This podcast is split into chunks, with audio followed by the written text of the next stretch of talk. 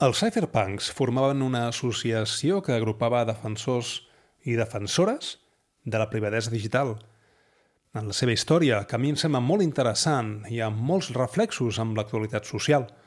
Aquest moviment, el moviment dels cypherpunks, es mou entre criptografia, entre sistemes d'enviament anònim de correu electrònic, de signatures digitals i inclús de moneda electrònica. En aquest podcast en connecta amb Dani Amo i com a tret de sortida d'un seguit d'episodis relacionats amb els cypherpunks, us faig disponible una lectura del manifest cypherpunk que Eric Hughes va publicar al 1993.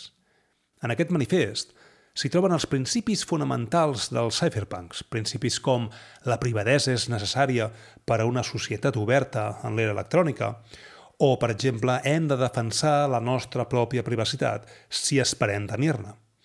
Però no us vull avançar més principis, i per això us apropo aquest manifest, en una locució pròpia i teatralitzada a partir de la traducció feta per Àlex Hinojo i Marina Dalbàs, disponible en el seu projecte dretsdigitals.cat.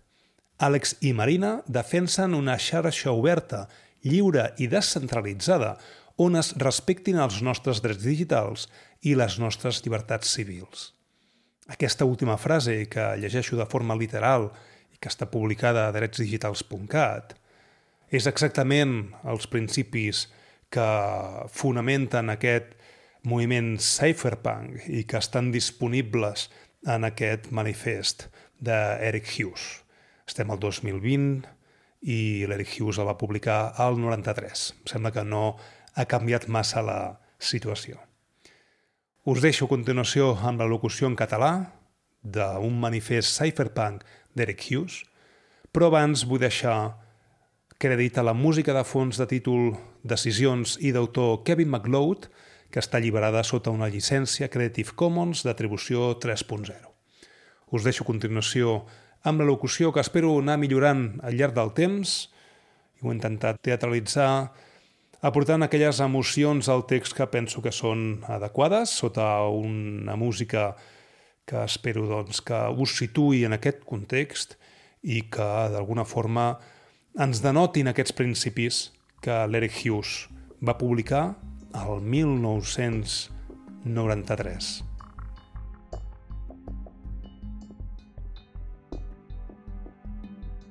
La privacitat és necessària per poder viure en una societat oberta en l'era electrònica. Privacitat no és secretisme. Un assumpte privat és allò que no volem que tothom sàpiga, mentre que un assumpte secret és allò que no volem que sàpiga ningú. La privacitat és el poder que té un mateix de mostrar-se de forma selectiva al món. Si dues parts mantenen algun tipus de tracte, cada una d'elles tindrà un record de la seva interacció – cada part pot parlar sobre allò que recorde. Com es podria prevenir això? Es podrien aprovar lleis en contra, però la llibertat d'expressió, encara més que la privacitat, és fonamental en una societat oberta. No volem restringir cap tipus de discurs. Si moltes parts parlen en un mateix fòrum, cadascuna pot dirigir-se a la resta, i entre totes poden reunir coneixements sobre tercers, el poder de les comunicacions electròniques ha permès aquests discursos en grup i no desapareixeran simplement perquè vulguem. Com que desitgem la privacitat, ens hem d'assegurar que cadascuna de les parts que participen en una transacció només tinguin el coneixement estrictament necessari per a dur a terme aquella transacció. Com que qualsevol informació pot ser difosa, ens hem d'assegurar que revelem el mínim possible – en la majoria dels casos, la identitat personal no és destacable. Quan compro una revista en un quiosc i pago un efectiu al venedor, no li cal saber qui sóc. Quan li demano al meu proveïdor de correu electrònic que em deixi enviar i rebre missatges, no li cal saber amb qui estic parlant, o què estic dient, o què m'estan dient a mi els altres. Al meu proveïdor només li cal saber com fer arribar el missatge i quants pagaments li dec. Quan el mecanisme subjacent de la transacció revela la meva identitat, la meva privacitat desapareix. No puc mostrar-me de forma selectiva. Se m'obliga a revelar sempre el meu jo.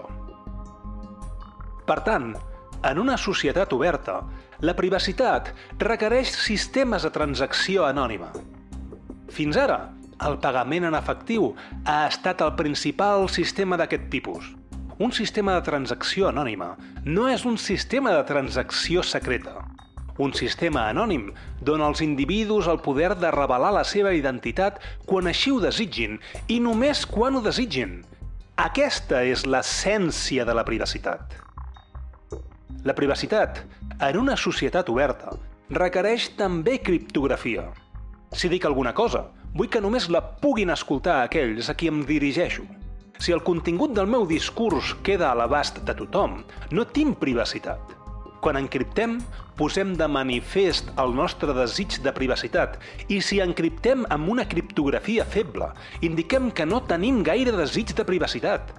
A més a més, per revelar la nostra identitat amb seguretat quan el valor predeterminat és l'anonimat, cal una signatura criptogràfica – no podem esperar que governs, corporacions o altres organitzacions grans i anònimes garanteixin la nostra privacitat de forma altruista.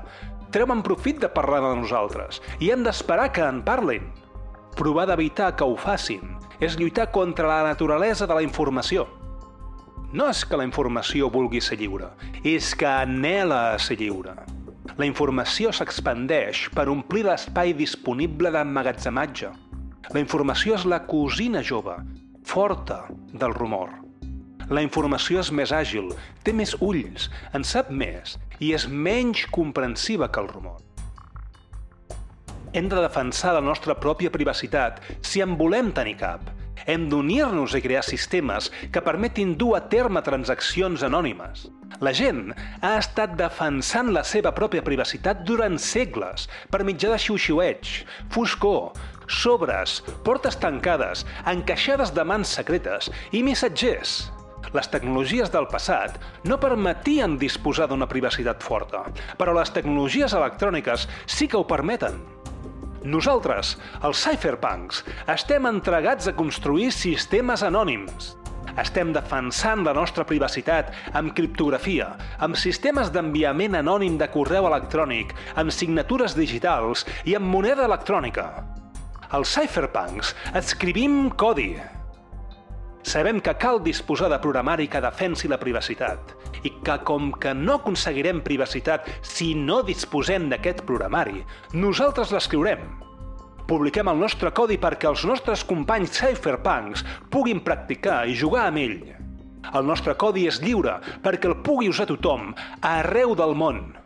No ens preocupa gaire si no proves el programari que escrivim. Sabem que el programari no es pot destruir i que un sistema àmpliament distribuït no es pot desactivar. Els cypherpunks deplorem les regulacions de la criptografia perquè l'encriptació és, fonamentalment, un acte privat. L'acte d'encriptar, de fet, elimina informació del reialme públic. Les lleis contra la criptografia només abasten les fronteres nacionals i allà on arriba el braç de la seva violència la criptografia s'estendrà inevitablement a tot el món, i amb ella els sistemes de transacció anònima que fa possibles. Perquè la privacitat s'estengui arreu, ha de formar part d'un contracte social. La gent ha d'implementar aquests sistemes per al bé comú. La privacitat només s'estén fins allà on arribi la cooperació entre companys dins la societat. Nosaltres, els cypherpunks, ens interessem per les vostres preguntes i preocupacions i esperem poder-vos motivar per tal de no defraudar-nos a nosaltres mateixos. Tot i així, no ens desviarem del nostre camí perquè alguns no estiguin d'acord amb els nostres objectius. Els cypherpunks estem implicats de forma activa en fer que les xarxes siguin més segures per a la privacitat. Fem-ho junts sense perdre temps. Endavant!